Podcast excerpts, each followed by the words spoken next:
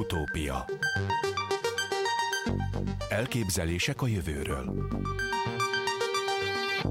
Najman Gábor műsora Nagyjából tíz napja hívtam fel telefonon Peták Istvánt, az Okompass Medicine tudományos igazgatóját, hogy az új Nobel-díjasokat mutassa be a magyar közönségnek, de akkor éppen bankokban volt egy orvoskongresszuson. Üdvözlöm az utópiában, Peták István, jó napot kívánok! Jó napot kívánok! Azt mondta a telefonban, hogy arról az orvos kongresszusról érdemes beszélni, ahol éppen van. A kongresszus neve ASCO Breakthrough, American Society of Clinical Oncology, ami nagyjából annyit tesz, hogy ASCO áttörés, klinikai onkológia az amerikai társadalomban. Miért éppen bankokban van egy ilyen konferencia? A, igen, az amerikai onkológusok társasága egyben a világ legnagyobb onkológiai kutatótársasága, tehát és, és ők nekik minden évben Csikágóban van az éves konferenciájuk, és ezen a konferencián általában a legújabb gyógyszer klinikai vizsgálatok eredményeit mutatják be. Ugye két új dolog ö, merült fel az ASZKO vezetőségében. Az egyik az, hogy hogy nagyon-nagyon gyorsan fejlődik Ázsia, ott is a, a kutatásfejlesztés.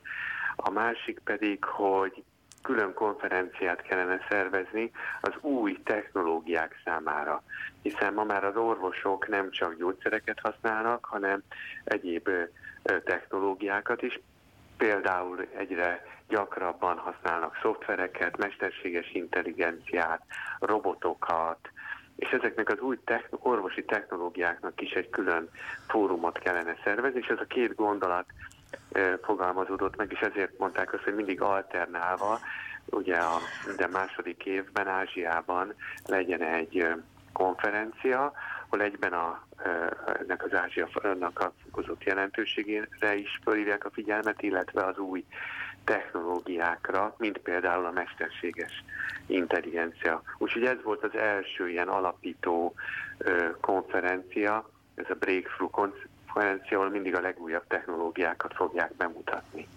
És a, azért, mert hogy bankokban rendeznek egy ilyen konferenciát, az úgynevezett hagyományos orvoslás, a kínai orvoslás, vagy a komplementer orvoslás is jelen van egy ilyen kongresszuson? Érdekes módon ennek nem láttam semmi nyomát, tehát abszolút a, inkább a, ezek a legújabb technológiák, tehát tudományos kutatási eredmények voltak a fókuszban, tehát csak azért, mert bankok, tehát hogy Ázsia közelsége nem emiatt nem jelentek meg ezek, Inkább, inkább. És a részvevők is nagyon nagy számban van, ezek voltak az Egyesült Államokból, és hát az ázsiai részvevők is inkább a döntéstámogató rendszerek, e, informatikai módszerek területén mutattak be eredményeket, tehát nem annyira találkoztunk ezekkel a hagyományos e, alternatív olvasi dolgokkal. Tehát csak azért, tehát igen, ezt a, talán ezt is, ez is célja volt ennek a konferenciának, hogy a, ezt a fajta előítéletünket, vagy nem, nem persze nem helyes ezt előítélnek meg, de minden esetre asszociációnkat, hogy Ázsiát ezzel azonosítjuk, és nem vesszük azt észre, hogy milyen elképesztő technológiai fejlődés zajlik ugye Ázsiában. Ez talán ez is, ezt is fontos hangsúlyoznunk, hogy hogy nem egyenlő a, ma már a, a régi hagyományos orvoslása, sokkal inkább a technológiai fejlődéssel e, egyenlő Ázsia. Ugye nyilván a, a telekommunikációs eszközöket, mobil eszközöket például az ázsi, ázsiai emberek még nagyobb arányban használják, mint az európai vagy az amerikai emberek. Az, hogy ön vezette egy rákdiagnosztikai intézetet, az jelenti-e azt is, hogy legalábbis foglalkozik valamelyest például a hagyományos kínai orvoslással? Tehát, hogy vannak-e a hagyományos kínai orvoslásnak olyan elemei, amelyek a rákgyógyításban fontos szerepet kaphatnak? Az az igazság, hogy talán a legrövidebb válasz az, hogy nem.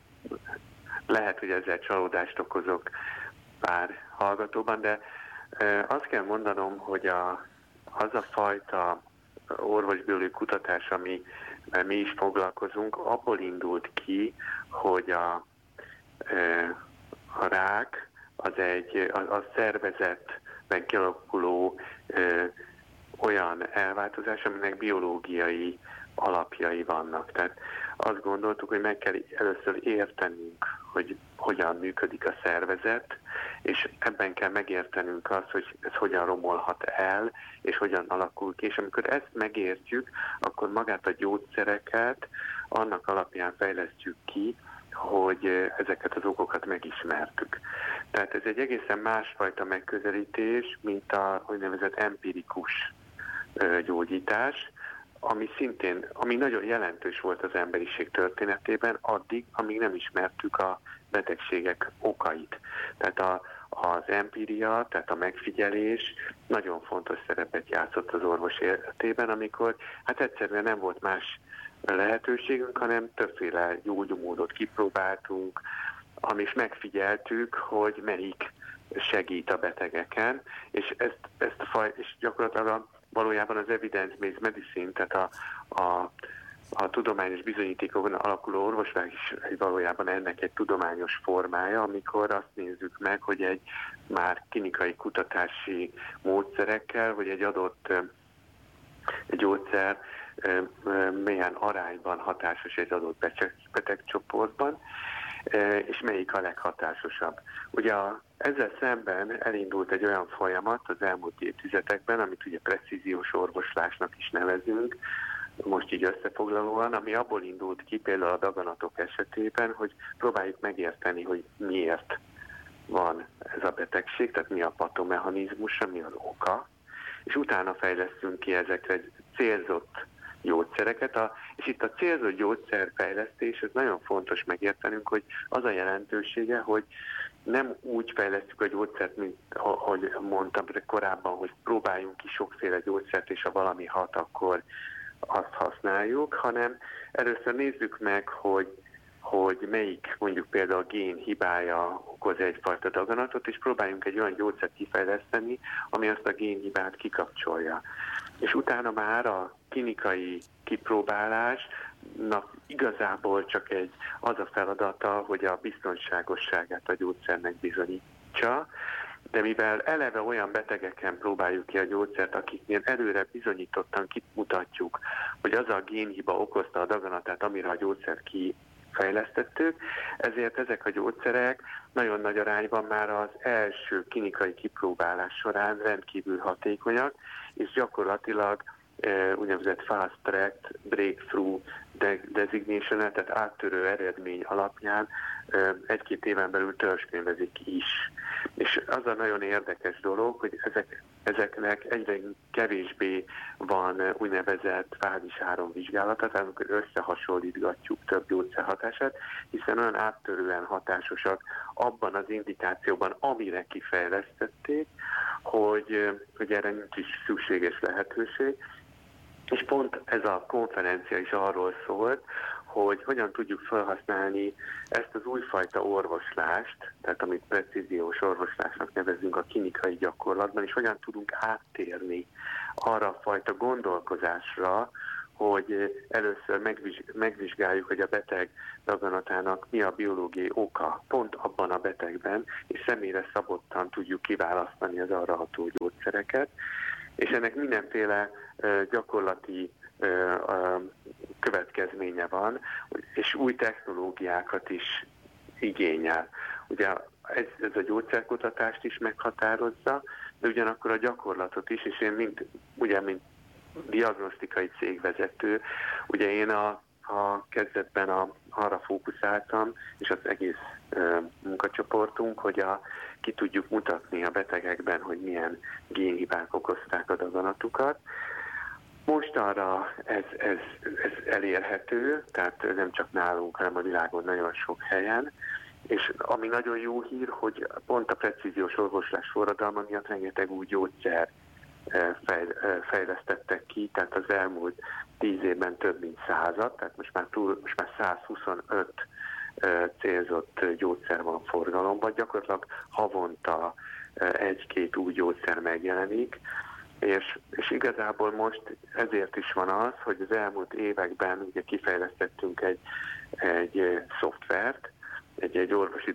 döntéstámogató eszközt, amit gyakorlatilag software as a medical device-nak hívnak, és ez egy új kategória, tehát egy szoftver, mint egy orvosi eszköz um, mutattuk be, és mi ezt, ezt a fejlesztésünket vittük ki bankokba, erre a Breakthrough konferenciára, és ez az, ami egyébként a legjobb absztrakt díját is megkapta, és ezért külön támogatást is kaptunk, hogy ezzel részt vehessünk a konferencián és, és ez előre jelezte, hogy nagy lesz az érdeklődés, amit szerencsére így is volt, hiszen nagyon jó ritmusban sikerült most arra kifejleszteni, pont most arra azt a, az eszközt, ami segít a, az orvosoknak abban, hogy ebből a több mint száz hatóanyagból kiválasszák a beteg egyedi molekuláris biológiai, genetikai háttere alapján a személyre szabottan a legjobb terápiát. Úgyhogy ugye ezt a szoftvert mutattuk be, és nagyon érdekes, hogy, hogy nagyon fontos föl is föl is volt a számomra is az, hogy, hogy ennyire világosan megfogalmazzuk, hogy, hogy most már egy szoftver is orvosi eszköz lehet. Sőt, elindult egy olyan új fogalom, hogy szoftver, mint gyógyszer, és, és valójában a, ezek a szoftverek, mint gyógyszer fogunk hasz, fogjuk használni, és ezeket a gyógyszerészeti hatóság fogja ugyanúgy vizsgálni ezeknek a szoftvereknek a ható, hatékonyságát. Elnézést, hogy itt a szavába vágok, de azért vágok a szavába, mert el, ö, tehát egy kicsit nem értem, amit magyaráz. azért, jó, jó, azért akkor... nem értem, mert hogy azt mondja, hogy egy szoftver lesz a gyógyszer maga tulajdonképpen, de ez mit jelent pontosan? Azt jelenti, hogy hogy egy ilyen szoftver segítségével a már meglévő gyógyszerekből egy kombinációt hoz létre ez a ö, szerkezet? Így van, így van. Egy ö, személyre szabott És akkor egy új gyógyszer lesz a sok gyógyszerből? Tehát akkor ezt újra engedélyeztetni kell? Azért nem értem. Ugye, a, ö, ugye ma már a több gyógyszert is törzskönyveztek ugyanabban az indikációban, tehát Például tüdődaganatos betegek esetében az a szerencsés helyzet van, hogy már első vonalban is több célzott gyógyszer és immunterápia törzskönyvezetten elérhető. Első vonalban is és második vonalban is. Ugye olyan sok a gyógyszer viszont, hogy ezeket már nem tudták egymáshoz hasonlítani minden egyes daganat tudatos altípusban, molekuláris altípusú beteg esetében. Ezért igazából nincs egy egységes protokoll arra, hogy, hogy, hogy mit kell először alkalmazni, másodszor, harmadszor, amit régen volt.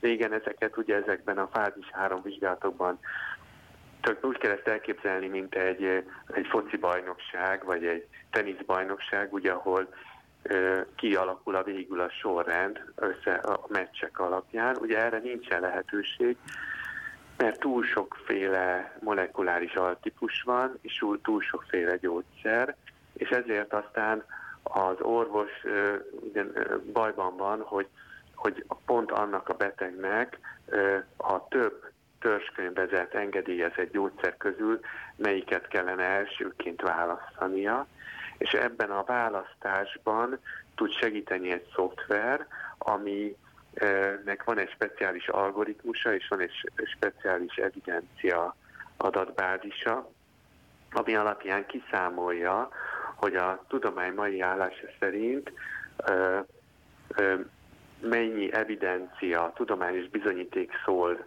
az egyik vagy másik gyógyszer esetében, pont az adott beteg esetében.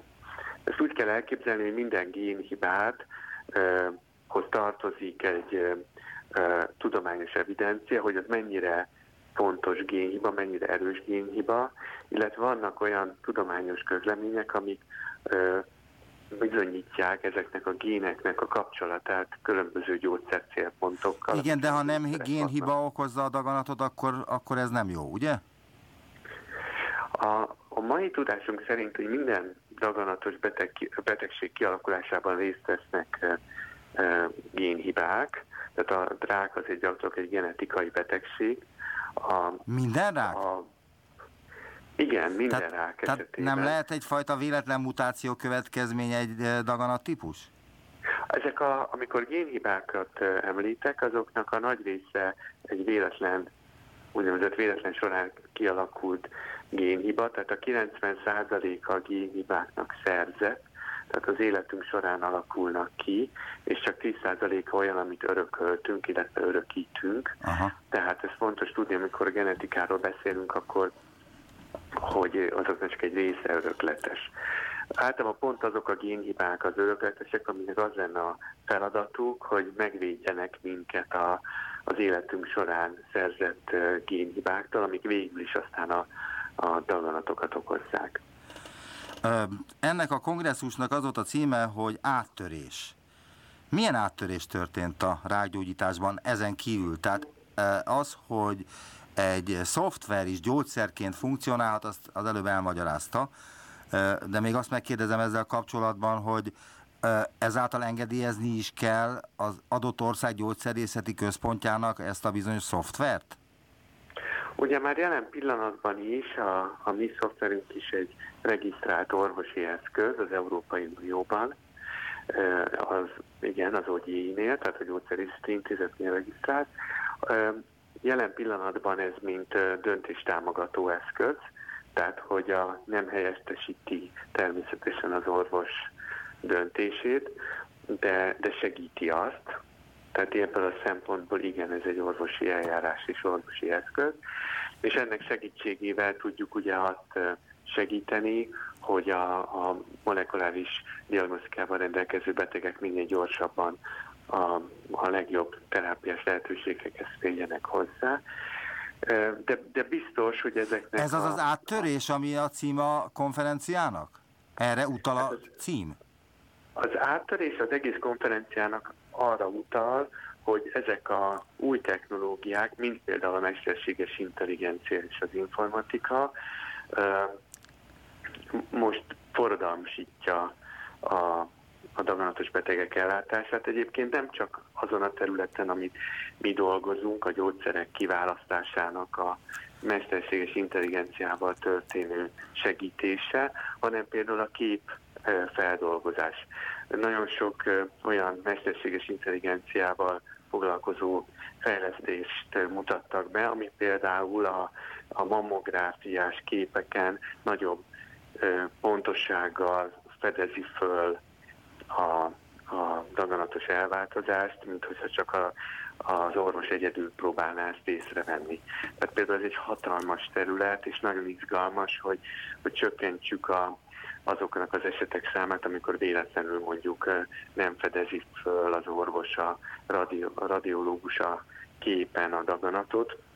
Ezt lehet segíteni például mesterséges intelligenciával, de ugyanúgy a patológia diagnosztikát is segítheti, hogy észrevegyen a, a gép már magától egy-két, azt az egy-két daganat sejtet, ami esetleg ott elbújt a, a sok normális sejt között. És ezek a, a techno, ez most az informatika, ezek a technológiái jelentik azt az áttörést, ami miatt hirtelen ugrásszerű a, a fejlődés a, a betegek ellátásában. Az ön cége egy magánvállalkozás, és nem vesz részt természetesen a közgyógyellátásban, mint társadalmilag finanszírozott terápia. Mennyibe kerül nekem, hogyha ilyen betegségem lenne önhökhöz elmenni, hát, és egy ilyen terápiát kifizetni? Ugye attól még, hogy mi egy magánvállalkozás vagyunk, tehát privát, attól még ugye részt tudunk venni a betegek ellátásában is, az akár a közfinanszírozott ellátásban is. Hogyan? Tehát, mi prób- tehát a, magát a, az, azt az eszközt és eljárást, amit kifejlesztettünk, annak kértük a, a finanszírozását, tehát a közfinanszírozását bizonyos indikációkban. Ezt egyébként a NEAK már meg is vizsgálta, tehát a NEAK ez a, az OEP, igen, igen. ennek az új neve.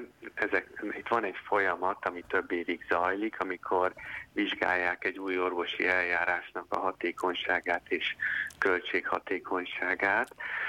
ilyen független technológiai értékelés kapcsán, ami azt mutatta ki, hogy ez, az, ez a döntéstámogató eljárásunk ez hatékony és költséghatékony.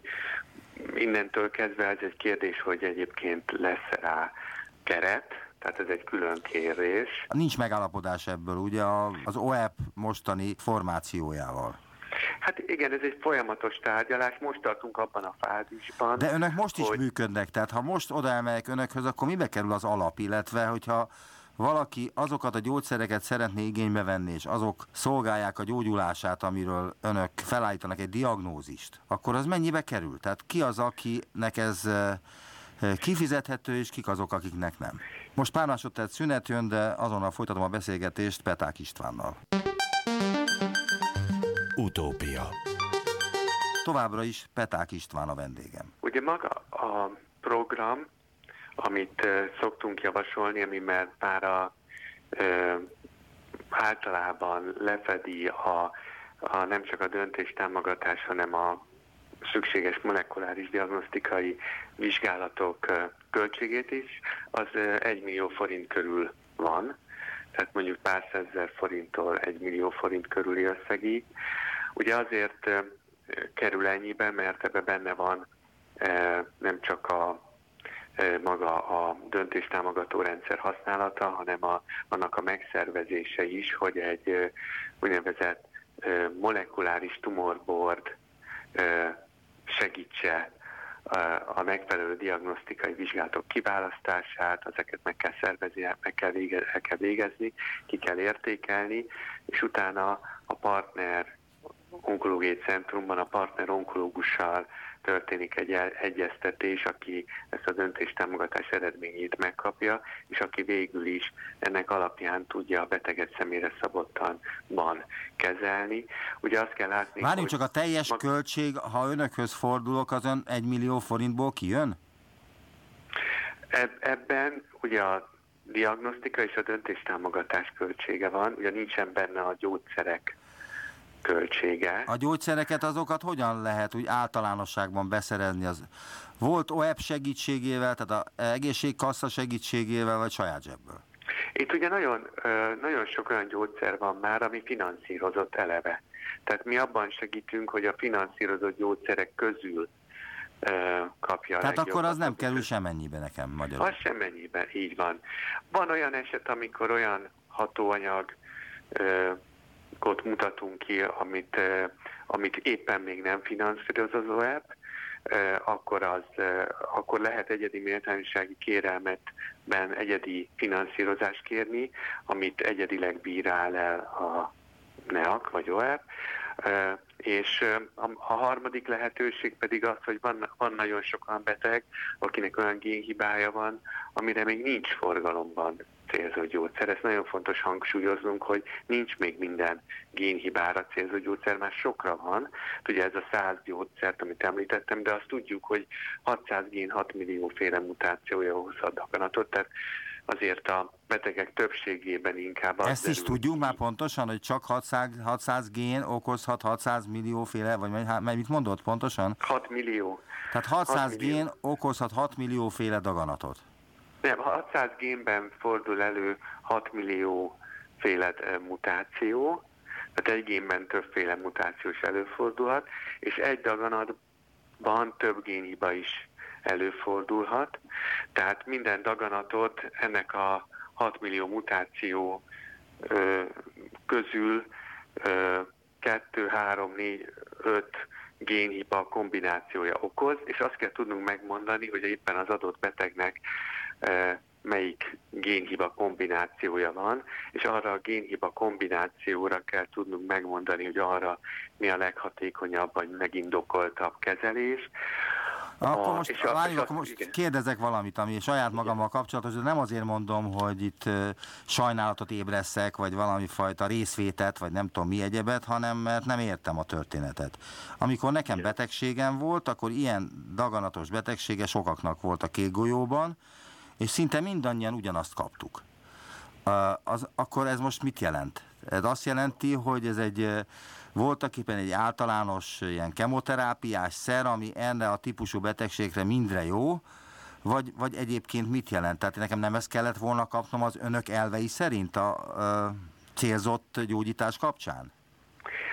Ez attól függ, hogy mi a, milyen a beteg daganatának a egyedi genetikai profilja, mert még a betegek többségének az a legjobb kezelés, ami a, akár a kemoterápia, ami megállítja a daganat növekedését, és azok közül is az a, az a kezelés, ami a betegek legnagyobb százalékában hatásos. Tehát a, a hát én, én azt kaptam, csak nagyon kellemetlen, mert nagyon kellemetlen mellékhatásai voltak. Igen, meg ki tudja, hogy milyen mellékhatásai voltak, ami majd nem tudom, tíz év múlva jelentkezhet a, az ereimben, meg az egyáltalán az összes szervemben. Azt nem tudni, hogy ezek a mérgek milyen pusztítást végeztek.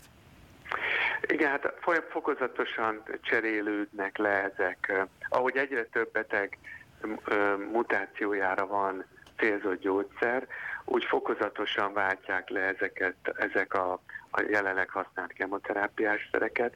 De azért ezt nagyon fontos hangsúlyoznom, hogy a, amennyiben a betegben olyan génhiba van, amire még nincs forgalomban lévő törzskönyvezett célzott gyógyszer, akkor az a beteg sokkal jobban jár egy kemoterápiás kezeléssel, mint egy olyan célzott gyógyszerrel, ami nem hat nála.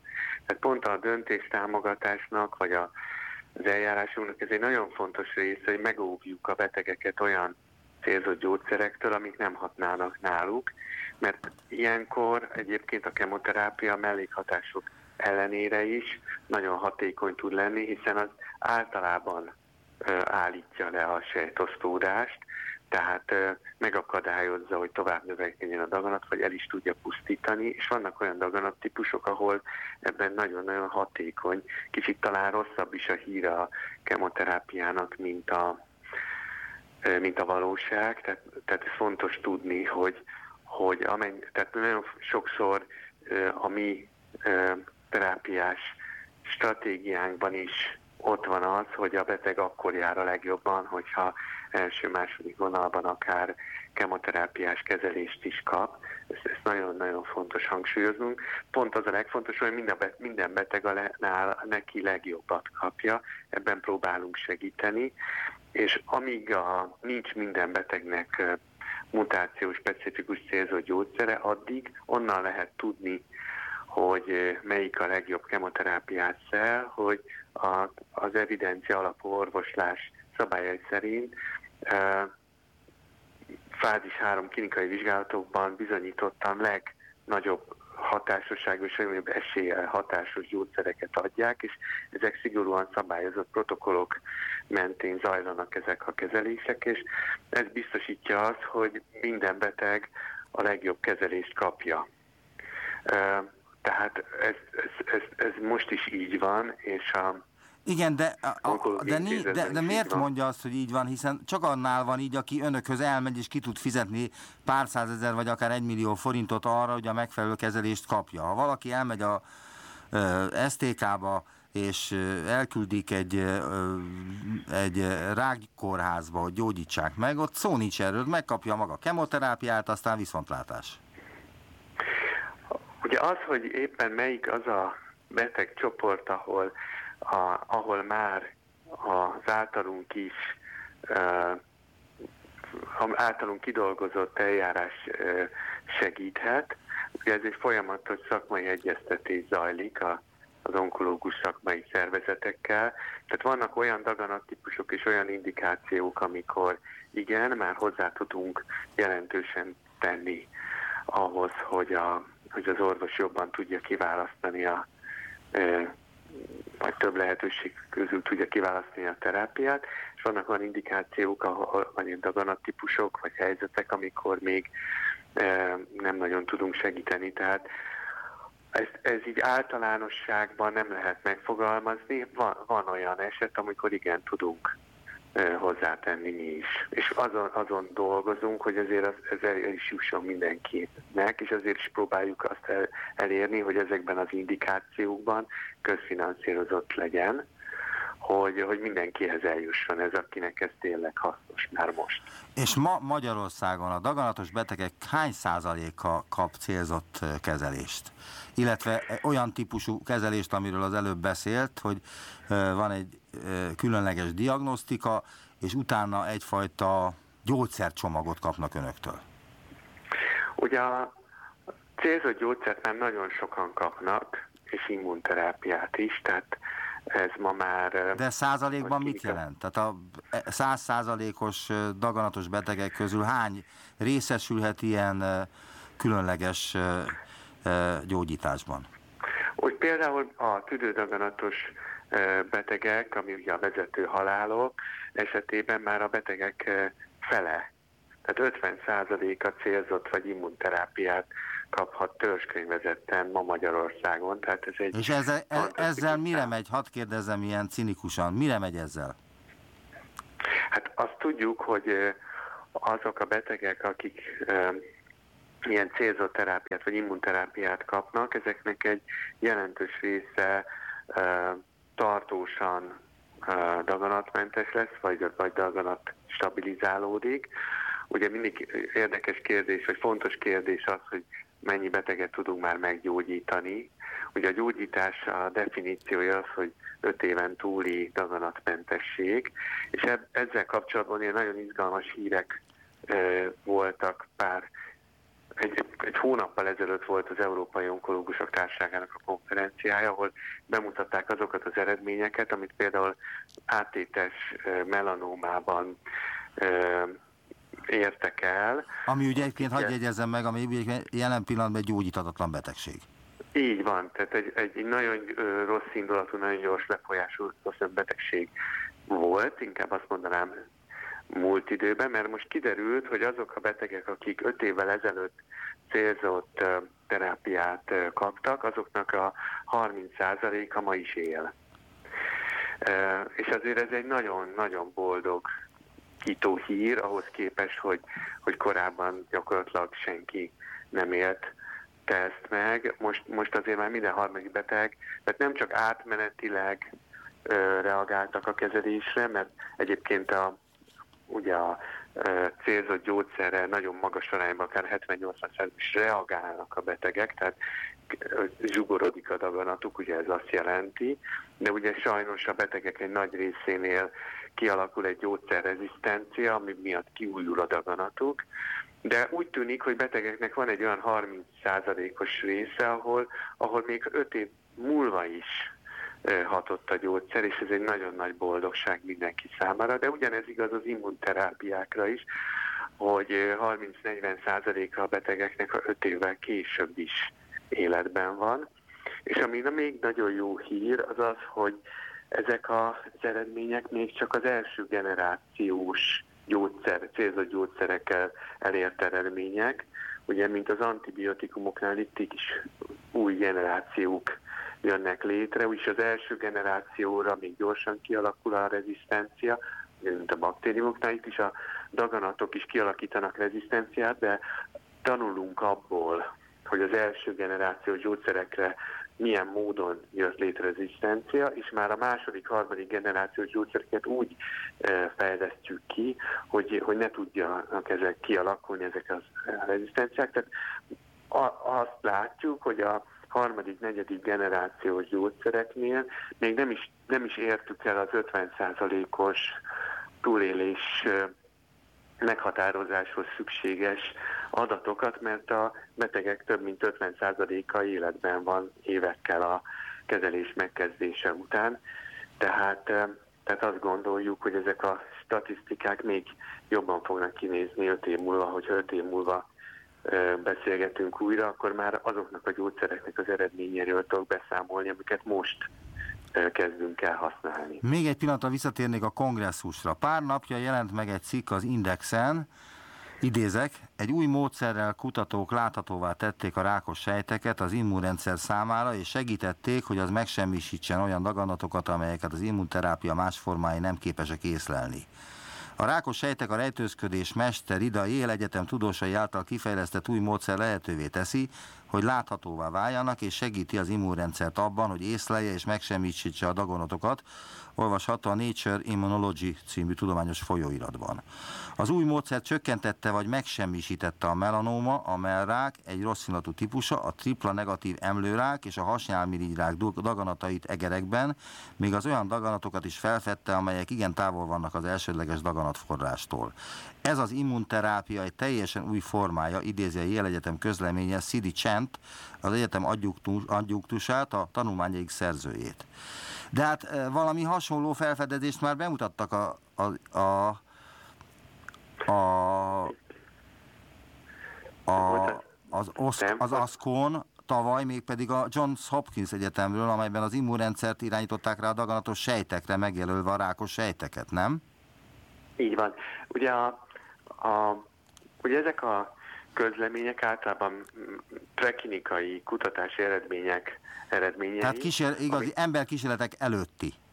Így van, így van, amik nagyon izgalmasak, tehát abszolút uh, tudományosan rendkívül izgalmasak. Tudni kell azt, hogy innen még ugye ezért el szokott telni egy-két év, mire kiderül, hogy, egy, hogy ezek a, a betegeknél is hatékony terápiák is.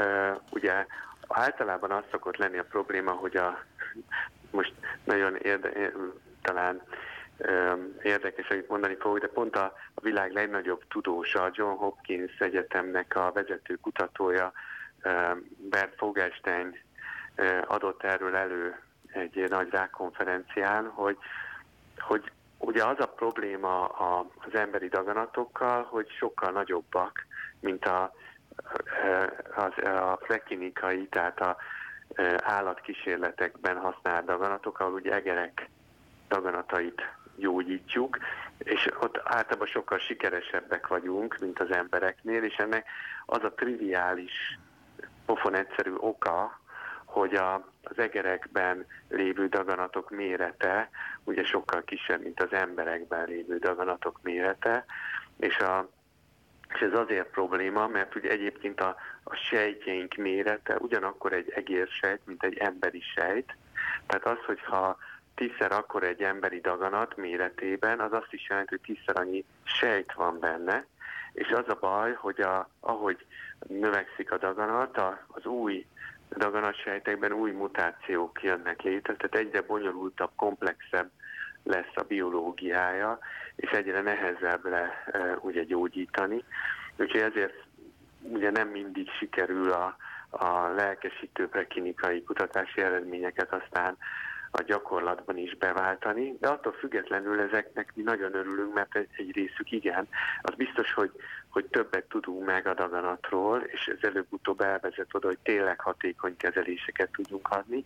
Egyébként ezt nagyon fontos hangsúlyoznom, hogy a immunterápiák már itt vannak a klinikai gyakorlatban, tehát ez már nem science fiction, hanem ma Magyarországon finanszírozottan elérhető a betegek számára Ugye azok, a, azok az immunterápiák, amik egyelőre úgy működnek, hogy kikapcsolják azt a fehérjét, amit a daganat azért termel, hogy kikapcsolja az immunválaszt, tehát így aztán visszakapcsolja az immunválaszt. Ez ugye azokban a daganatokban működik, amiket egyébként fölismerne a, a, az immunrendszer, csak azért nem képes el pusztítani, mert védekezik ellene a daganatsejt. És, ez, ezt tud, és ezt egyébként ennek a, a terápiáknak a hatásosságának az előrejelzésére is alkalmas a molekuláris diagnosztika és a döntéstámogatás. A, tehát az abból tudunk következtetni, hogy mennyire valószínű, hogy hatásos egy ilyen terápia, hogy megnézzük, hogy milyen sok olyan mutáció van a daganatban, ami antigénként szolgálhat az immunrendszer számára, tehát olyan kóros fehérjeként, amit föl tud ismerni, és ezekben a daganatokban nagy eséllyel egy ilyen immunválasz visszaállító jó kezelés hatásos lenne. Azokkal a daganatokkal van a baj, és biztos ez a ön által említett kutatás erre fókuszál, amiket egyáltalán nem is ismer fel az immunrendszer, ezeket láthatóvá kellene ahhoz tenni, hogy ez működjön, és erre vannak olyan próbálkozások, hogy, hogy úgy, úgy módosítsuk a például nagyon érdekes próbálkozás az, hogy hogy pont kikapcsoljuk a DNS javító enzimet gyógyszeresen, hogy ezáltal legyen benne sok olyan mutáció, amit utána az immunrendszer föl tud ismerni. Tehát van ilyen próbálkozás is, mert azt tudjuk, hogy azokban a daganatokban, ahol a DNS javító enzimek nem működnek, és ezért nagyon-nagyon sok a mutáció, azokat a, az immunrendszer általában el is tudja pusztítani, hogyha ilyen uh-huh. uh, immuncheckpoint inhibitort is adunk a betegnek. Az előbb mondta, hogy idézve a Johns Hopkins Egyetem főkutatóját, az egerektől túl kicsik azok a daganatok, amelyekkel dolgoznak. De hogyha főemlősökkel dolgoznának, akkor ez a probléma megoldódna, vagy azt már nem lehet csinálni? Hát e, e, elvileg megoldódna, de nyilván ennek etikai korlátai vannak, tehát nyilván így az egész kísérleteket is próbálj az állatvédő szervezetek teljesen jogosan visszaszorítani, és, és valóban inkább abba az irányba próbálunk mozdulni, hogy próbáljuk meg akár in vitro tehát sejtekben vagy szövetek, igen, sejtenyészetben vagy szövetekben. Sejtenyészetben, és ott van egyébként egy nagyon izgalmas új fejlesztési irány, ami szintén egyébként bankokban is ö, ö, teret kapott, az az, hogy hogy lehet létrehozni lombikban ilyen organoidokat, tehát olyan kis szervecskéket, tenyészetben, amin, amin utána lehet gyógyszerkísérleteket folytatni, anélkül, hogy állatokat kellene ehhez használni. Tehát, és ez ugye egyrészt etikailag is nagyon kedvező, másrészt pedig uh, gyorsítja is a kutatást, hiszen uh, még gyorsabban lehet tesztelni a hatást egy ilyen kis sejtcsoportról laton a mikroszkóp alatt, mint hogyha egy, egy állatot kellene ezért fenntartani és De kezelni. ugye az egereket megbetegítik rákos sejtekkel, hogy úgy kapják meg a rákot. De az egerek egyébként nem kapnának meg rákot sohasem?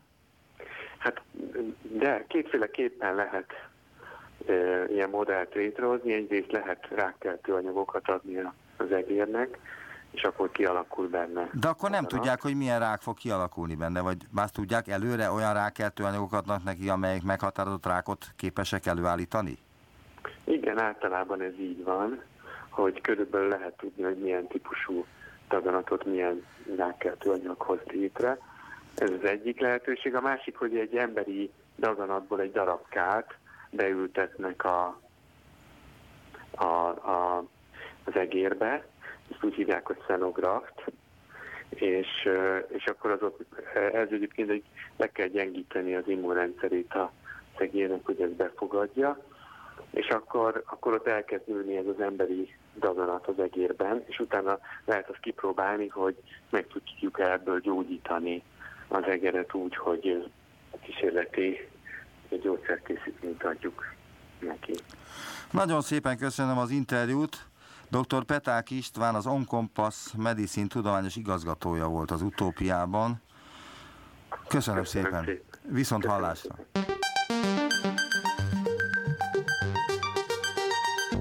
Visszaértünk a jelenbe. Neumann Gábor utópia című műsorát hallották.